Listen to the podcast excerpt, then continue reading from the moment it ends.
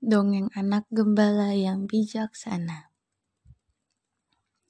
Dahulu kala ada seorang ada seorang gembala kecil yang terkenal sampai jauh di mana-mana karena ia bisa memberi jawaban yang bijaksana atas semua pertanyaan yang diberikan kepadanya.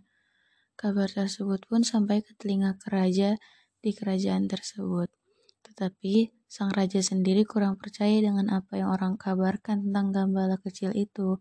Karena itu, anak gembala tersebut diperintahkan untuk datang dan menghadap langsung ke istana. Ketika dia tiba, raja berkata kepadanya, "Jika kamu dapat memberikan jawaban dari tiga pertanyaan yang akan saya berikan kepadamu, aku anggap aku akan menganggap kamu sebagai anak saya sendiri, dan kamu akan hidup berbahagia denganku di istana ini." Apakah ketiga pertanyaan itu, Paduka? Tanya anak, tanya anak gembala itu. Yang pertama adalah, berapa banyak tetesan air yang ada di laut? Tuanku Paduka, jawab anak gembala. Hentikanlah semua tetesan air yang ada di bumi, sehingga tidak ada satupun tetesan yang akan masuk masuk ke laut sebelum saya menghitungnya. Dan saat itu saya akan memberitahu Paduka berapa banyak tetesan yang ada di laut. Pertanyaan kedua, kata raja, berapa banyak bintang yang ada di langit? Beri aku Beri aku selembar kertas besar, kata anak itu.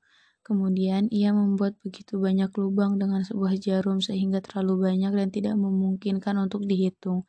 Saat selesai, si anak gembala berkata, jumlah bintang yang ada di langit sama banyaknya dengan lubang yang ada di kertas ini. Adakah? Tetapi tak seorang pun bisa menghitungnya. Kemudian raja berkata lagi, Pertanyaan ketiga adalah, berapa detik yang ada dalam keabadian? Di kerajaan ini terletak terletak Gunung Adamantin, satu mil tingginya, satu mil lebarnya, dan satu mil dalamnya. Dan tiap seribu tahun, seekor burung datang untuk menggosok paruhnya ke gunung tersebut. Dan saat seluruh gunung telah digosok oleh sang burung, maka detik pertama dari keabadian pun berlalu. Kamu telah menjawab tiga pertanyaan saya secara bijak, kata sang raja. Dan untuk selanjutnya, kamu akan hidup bersama saya di istana, dan saya akan memperlakukan kamu sebagai anak saya sendiri. Jadi, pembelajaran yang dapat kita teladani dari dongeng anak gembala yang bijaksana ini adalah belajarlah dan bersikaplah secara bijaksana dalam setiap hal dalam hidup kita.